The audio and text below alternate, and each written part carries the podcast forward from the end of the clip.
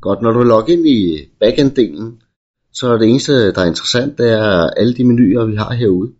Men den, vi skal bruge, den ligger under e-learning. Hvis du klikker på den, så får vi yderligere nogle ting. Men den, der er rigtig interessant, det er den, der hedder Composer. Og det er herinde, hvor vi opretter nye kurser og tilretter kurser. Og det er herinde, vi skal arbejde primært.